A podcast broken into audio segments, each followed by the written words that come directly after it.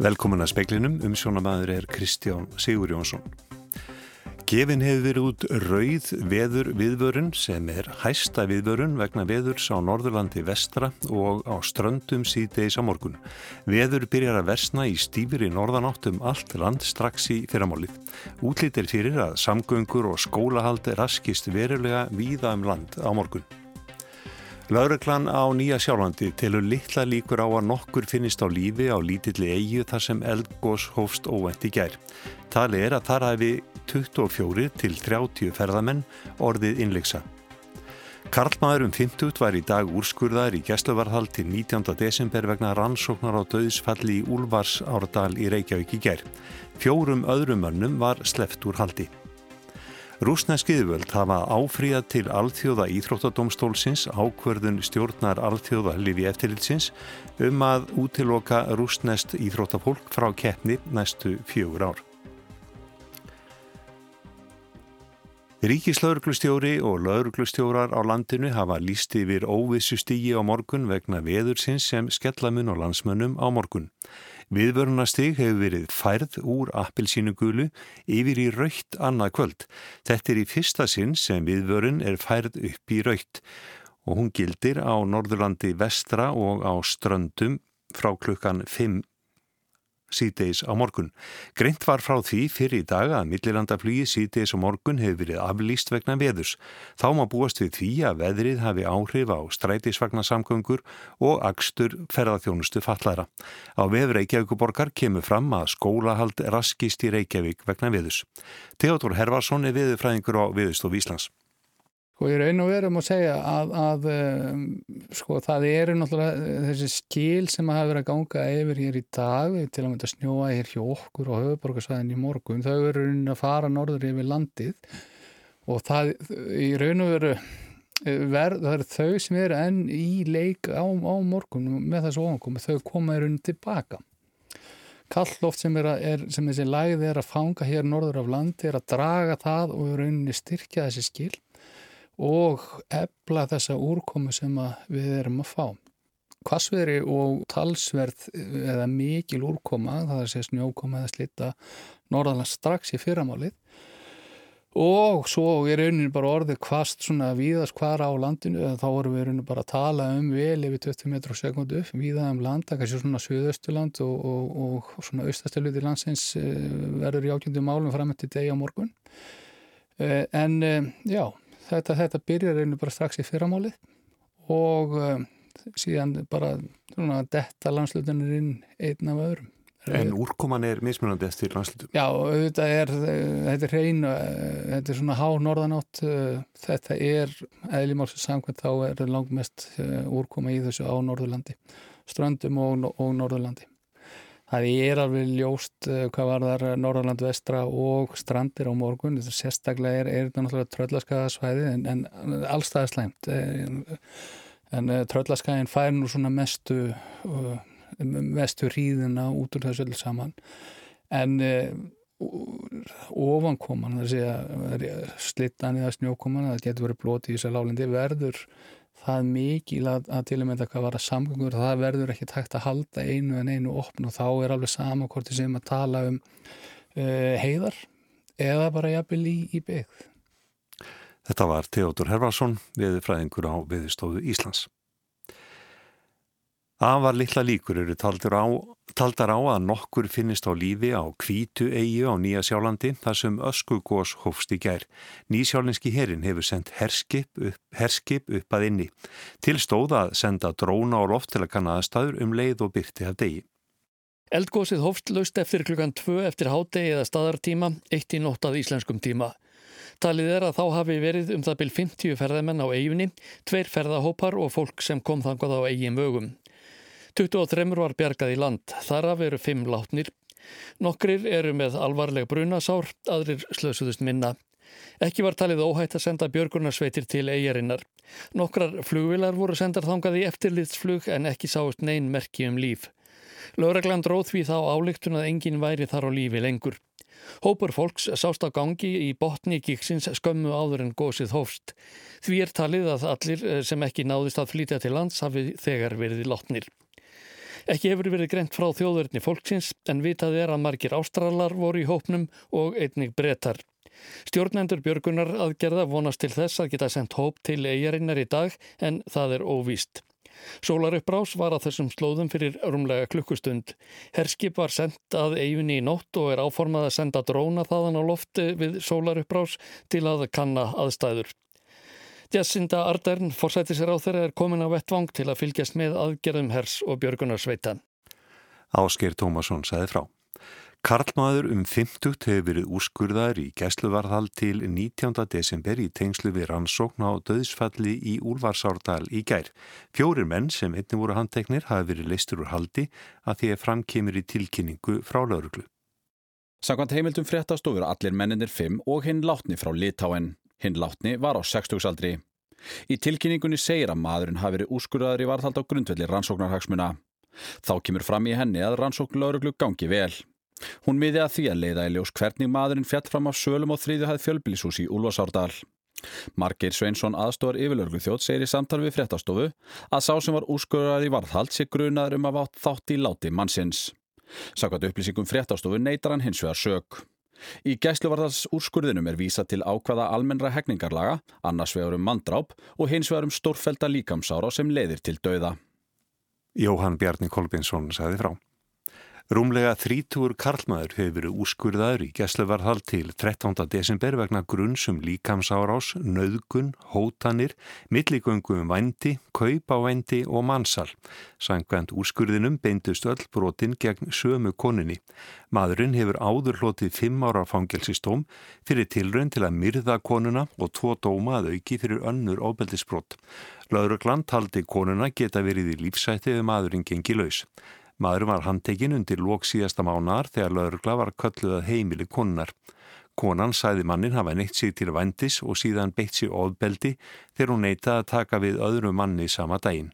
Hún lísti ítrekuðum brotum og hótunum mannsins gegn sér. Nánari fjallaði málið á rú.is. Verjandi Margirs Péturs Jóhanssonar sem dæmdur var í sex ára fangelsi í dag fyrir amfetamin framleiðslu segir dómin hafa komið sér verulega óvart. Ásand Margiri var Alvar Óskarsson dæmdur í sjö ára fangelsi í málunu og Einar Einarsson í sex ára fangelsi. Þeir voru meðal annars dæmdir fyrir að framleiða liðlega 8,5 kíló af amfetamini í sumarbústaði í Borgarfyrði. Verjandi Einars sagði við dóms uppkvæðningu að umbjóðandi hans ætlaði að taka sér frest til að ákveða hvort dómnum verði áfríðað. En verjandur Alvars og Margers lístu því strax yfir að það erði gert. Steinbergur Finnbóðsson er verjandi Margers. Þinn umbjóðandi fekk sex ára dómkörði í þín viðblöð? Já, þessi dómur er honum mikil vonbriði og honum hefur nú þegar verið áfríðað. En, en aðra leiti þarf að þurfum við að kynna okkur fórsendur dómsins og, og og aðeins aft okkur á því hvernig þessi niðurstaði fegst. Koma þér óvart og þínum umbjóðanda? Já, verulega. Bæði hvað var það sagfællingu fyrir þennan amfetamin þátt og, og, og ekki síst fyrir þingdómsins. En ég þarf að kynna mér betur fórsöndunar til þess að geta tjá með eitthvað frekar um það. Þetta var Steinbergur Finnbógarsson, Haugur Holm talaði við hann. Áslögu Örnu Sigurbjörnsdóttur, dómsmálar á þeirra, þykir miður að orð hennar í gær hafi miskilist. Hún sagði þá að hún teldi landsréttarmálið ekki hafa fordæmiskildi. Í óundirbúnum fyrirspurnum á alþingi í dag sagðist hún hafa átt við að mál Íslands hafi ekki fordæmiskildi fyrir stöðuna í Pólandi. Haldóra Móensen, þingmaður Pírata, spurði dómsmálar á þeirra út í umælinn.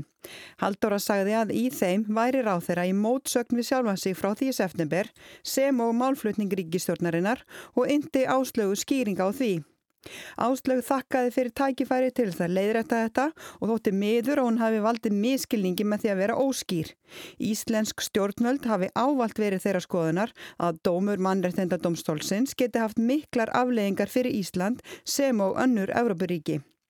Hún segist í viðtalin í gær hafi verið að vísa til málsatvika í Pólandi og aðkomi Pólans að þessu máli og ég get ekki séð að máli sem erum með fyrir yfirdeldinni e, geti verið fordæmisgefandi fyrir stöðuna í Pólandi að einhverju leiti og um er að ræða gjör ólík mál og í það var ég að vísa í svörum mínum í gæri fréttunum og ef ég var eitthvað óskýr eða hérna og þetta gætir eitthvað miskilnings að þá leiðrættist það hér með. Áslög bendi jafnframt á að í Pólandi hefði dómurum verið skipt út af pólitískum ástæðum og það sé alls óskilt því sem landsréttamáli snúist um. Sigriði Dögguðin stóttir tók þann pistil saman áður heyrðist í áslögu örnu Sigurbjörnsdóttur. Síðustu fylgiskannanir fyrir þingkostningar í Breitlandi 12. desember benda eindriði til Sigurs í halsflokksins en óvíst hvort hann reppir sterkan meiri hluta eins og hann stefnir á. Óvissu þættirnir eru margir í einmennins kjörðæma kerfinu. Til dæmis hvort ungir kjósendur skilir sér á kjörstað sem varu góðar fréttir fyrir verkamannarflokkinu. Tvent var breytum ofarlegu huga þegar kostningabaratan hófst hér í Breitlandi í loka oktober. Yrði Brexit, útganga breyta ára Evropasambandinu, aðalmálið og næðu litlu flokkarnir eirum kjósenda í kappi við stóru flokkana, íhjálpsflokkin og verkamannaflokkin. Nú á lokaspretti kostningabartunar má sjá að, já, Brexit skipti máli þó annur síkild kostningamál hafi líka verið rætt engum heilbriðismálin og litlu flokkarnir eru í skugga stóru flokkana. Brexit áhrifin hafa mótað kostningatækni flokkana. Boris Johnson, leðtögi íhalsflokksins, neglir þetta efni með einföldu slagorði eins og heyra má í kostningaefni flokksins.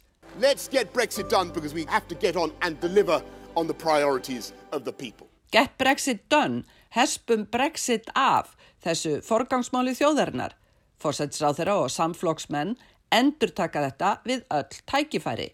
Verkamannaflokkurinn hefur ekkert svona sláandi brexit stefnan þar, öllu flokknari, en Corbyn segir enn það sama og í kostningunum 2017 lofar landi fyrir fjöldan ekki hinn að fáu. And we'll build a country for the many, not the few. Undir brexit áhrifum hefur íhalsflokkurinn markvist gert út á gamlar kjörlendur verkamannaflokksins þar sem brexit varð ofan á í þjóðaratkvæðagreislunni 2016.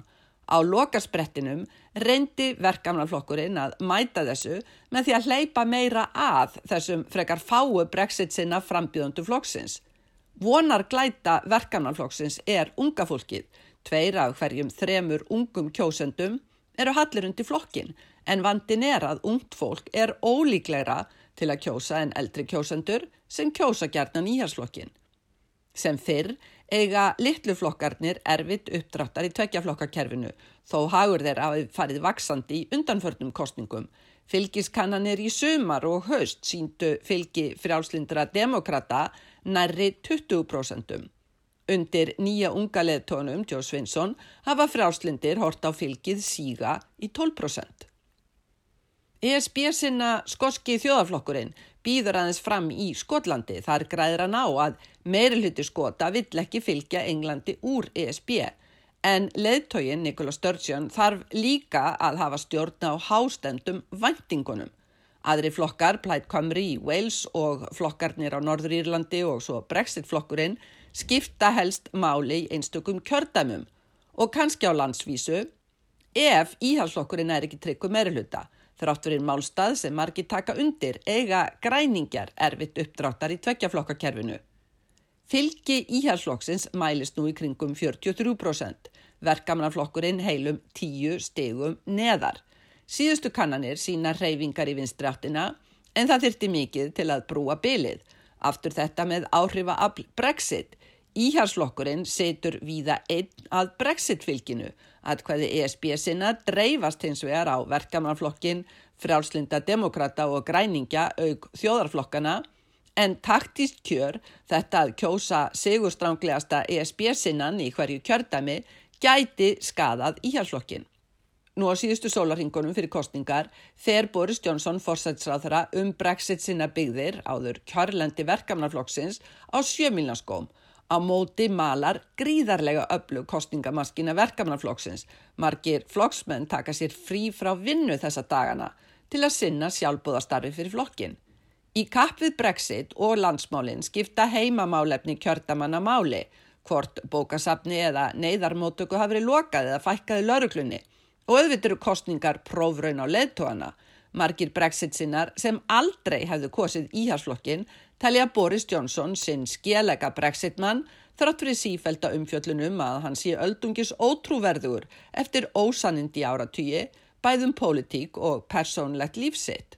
Í kostingunum 2017 var Jeremy Corbyn leðtóa verkamnaflokksins heilsað með hrifningarsöng hvar sem hann fór. Nú minnir flokkurinn frekar á að málefnin skipti meiru en leðtógin. Og mögulegir kjósendur frálslindra demokrata eru líklæri til að fæla Stjósvinsson því meir sem er heyri henni. Markir kjósendur virðast í taka afstöðu til leðtóna síður af hrifningu heldur frekar eftir hver sé minnst ömulegur. Orðir sigur merkir ekki það sama í stóru flokkunum tveimur. Allt annað en klár meiruluti er ósigur fyrir íhalslokkin sem hefur þó ekki stjórn og brexit. Sigur verkamannaflokksins væri að hindra íhalsmeiriluta og ná þá kannski tökum á politísku framvindunni hugsanlega í minninhlutastjórn. Það hefur verið talað um kostningaþreitu hér, breytar nú að kjósa í fjörðaskiptið síðan 2015. En kannski eru tíðar kostningar eblandi samaber með fjölda nýskranning á kjörskrá. Alls eru þingsætin 650 í raun 650 kostningar í gangi í einmenningskjördemunum hér.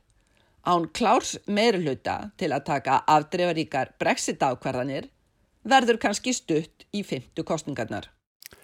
Það var Sigrun Davísdóttir sem hann saði frá aðdraðanda bresku kostningarna á fymtu dag og til að ræða þær í kostningar Það hefur speilin fengið Dagmar Þorstinsdóttur, frangandastjóra HBH Byggis HF og formann Bresk Íslenska Vískiptaráðsins og einar Kristinn Guðfinnsson, formann Landsambands Vískjaldistöða og fyrirverandi alþingismann og ráð þeirra.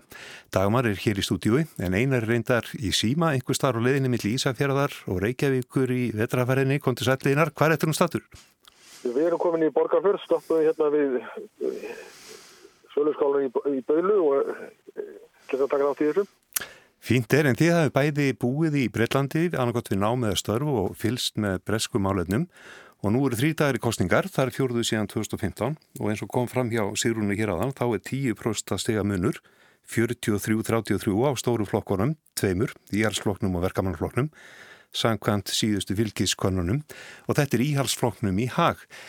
En Dagmar, hvernig sér þú fyrir þér að málið þróist núna síðustu daga kostningabartunar? Já, ef ég vissi það, þá, þá fengi ég nú örgulega velborga fyrir það. En uh, það er ómögulegt að segja.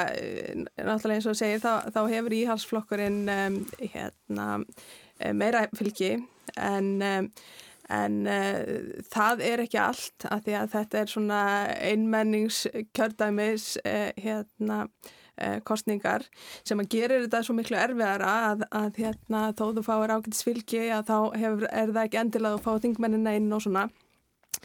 Þannig að en ef að það verður þannig að þetta verður, verður sigur hjá þeim sem að þeir eru náttúrulega stefni í að þeir, þeir þurfa að hafa meiri hluta sigur til þess að, til þess að koma sér gegn að að þá náttúrulega hérna, veður Boris að stað og, og hérna keirir Brexit áfram eins og hann er búin að lofa og, eh, og þá tekur við, við þess, þessi tími að, að hérna, koma því í gegn og svo útgangan hann 31. janúar en þá er komið aðlöguna tímabil sem er bara út árið sem er líka stutt aðlöguna tímabil í rauninni með við það sem það átt að vera það átt að vera 29. mars á þessu ári þannig að þeir eru búin að stýta þennan tíma maður veit svo sem ekki hvað, hvernig það gengur svo að semja á þessu aðlöðana tímabili eða hvort er endur svo á því að fara út úr þessu 2020, enda 2020 ánsamnings aftur. Þannig að hérna, það tekur svona daldi, daldi erfið tímabil við en,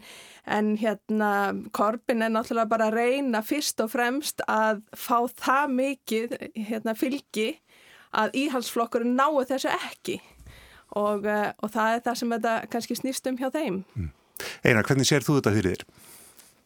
Ég held að svona flest bendur nú til þess miðað þessar skoðanakannanir að Boris muni hafa þetta og hann muni ná reynum meiruluta. Eh, miðað við þess að það koma náttúrulega fram mjög margar skoðanakannanir núna síðustu dagana og uh, það er ekkur auðvitað aðdegli að það er tölverð uh, mismunandi útgáfur. Uh, ég hef séð tölur alveg frá 10% upp í 14% fylgismun Ég hef ekki séð mikið lægri heldur um minnst okkurstu 10% fylgismun.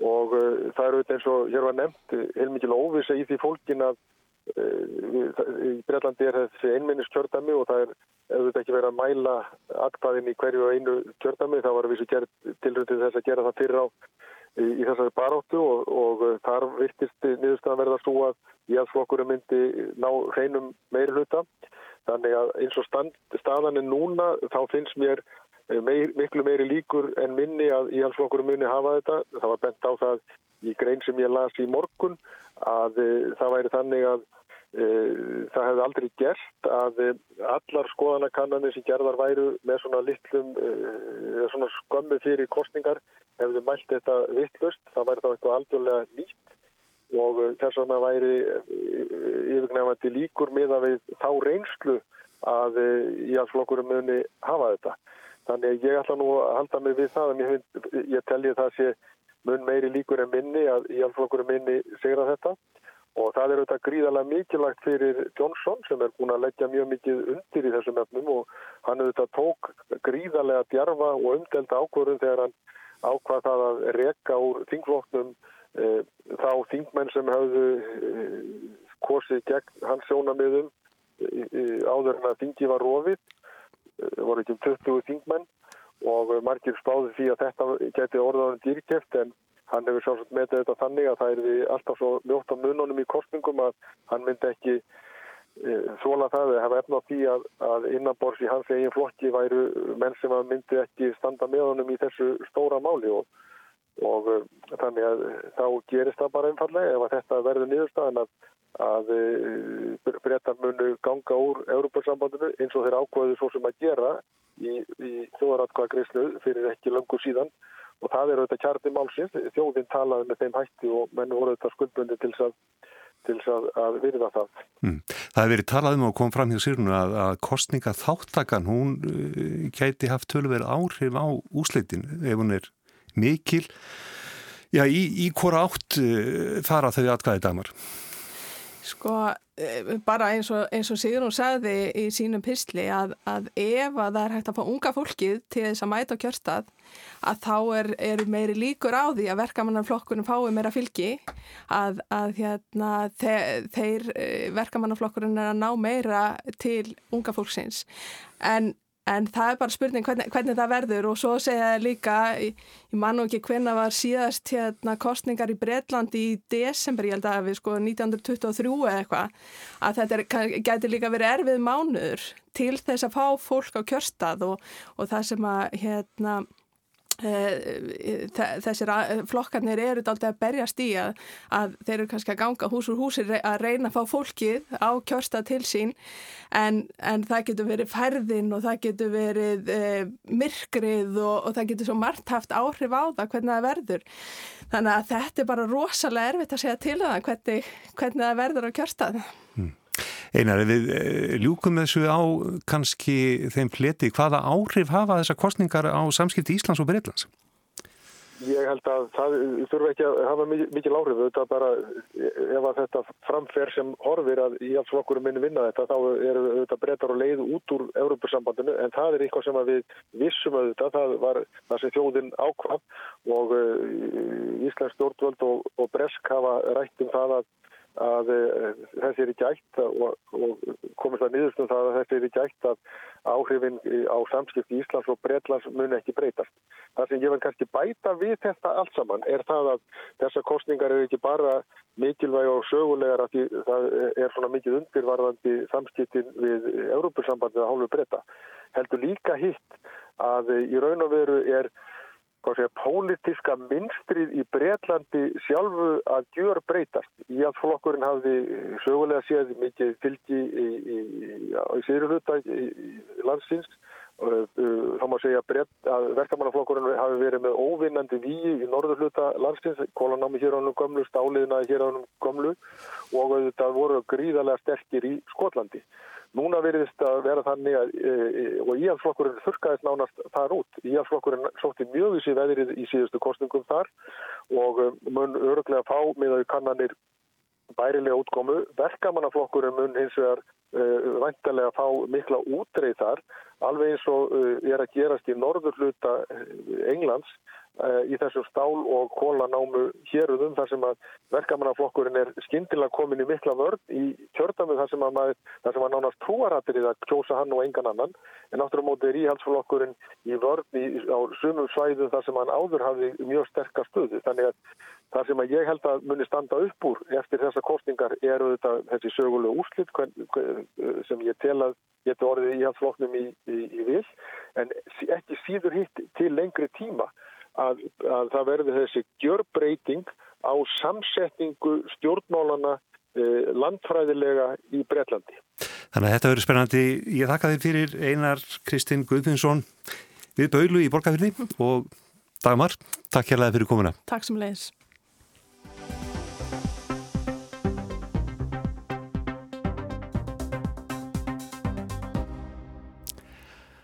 Stjórn alþjóða Livja eftirlitsins samþykti einróma í dag að útiloka rúsnest íþróttafólk frá keppni næstu fjögur ár. Ákvarðuninn kemur ekki óvart í ljósi upplýsinga um stórfæld brotrúsa á lögum um Livjanótkun. Rúsnesk yfirvöld geta áfríja niðurstöðu stjórnarinnar til alþjóða íþróttadómstólsins. Ákvörðun í dag kemur í framhald af niðurstöðum og tillögum óháðra nefndar sem fali var að fara í sauman á Livjamisnótkun rúsneskra íþróttamanna. Formaður nefndarinnar sem sett var á lækinar 2015 var breski lögfræðingurinn Jonathan Taylor. Hann hefur sagt að rússar hafi vísvitandi eitni niðurstöðum og livjaprófum sem sendar höfðu verið til livjaeftilitsins.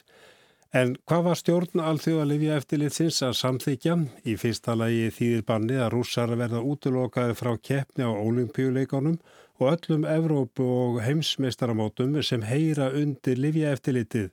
Bannið því til dæmis að rússar munu ekki koma fram sem þjóð á olimpíuleikunum í Tókjó í Japan á næsta ári og ekki heldur á vetrara olimpíuleikunum sem verða 2022 í Beijing í Kína.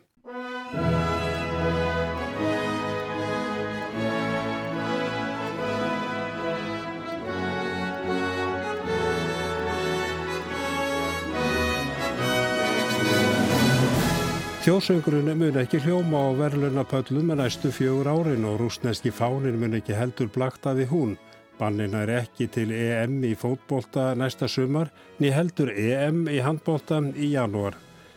Bannið sem samþyngt var í dagna er líka til þess að engin í ríkistjórn Rúslands getur gengt alþjóðlegum störfum á sviði íþróttan. Rúsland er líka meinað að skipuleikja alþjóðlegar keppnir og loks er bannað að flagga rúsneska fánunum á olimpíuleikonum og öðrum stórum alþjóðlegum íþróttaviðbörðum þó er það svo að rúsnesk íþróttafólk getur keft á stórmótum áfram svo fremi sem það getur sannað sagleysi sitt. Linda Hofstad Helliland var að fósiti VAF-ADA, alþjóða Livja eftirlitsins, er ekki sátt við þetta og segir að það hefði átt að ganga lengra. Þetta geti þýtt að fleiri hundru rúsneskir íþróttamenn verði bæði á olimpíuleikonum í Japan og í Kína. Hún segir að bannið sé ekkir sem svíðu undan á nokkur nátt.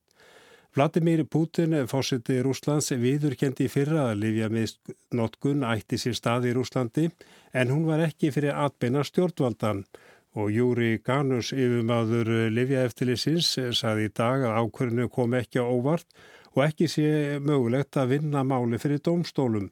Hann sér að nú þegar íhjöfum margir íþróttamenn rúsneskir að fara frá Rúslandi og keppa fyrir hönd annara landa. Það var Arnar Páll Haugsson sem að sagði frá. Og það er rétt að ítreika að það hefur verið gefin út rauð við, viðvörun, veður viðvörun, svo hæsta, Vegna veðus á Norðurlandi vestra og ströndum síteis á morgun frá klukkan 5 síteis og fram að minnætti eða rúmlega það.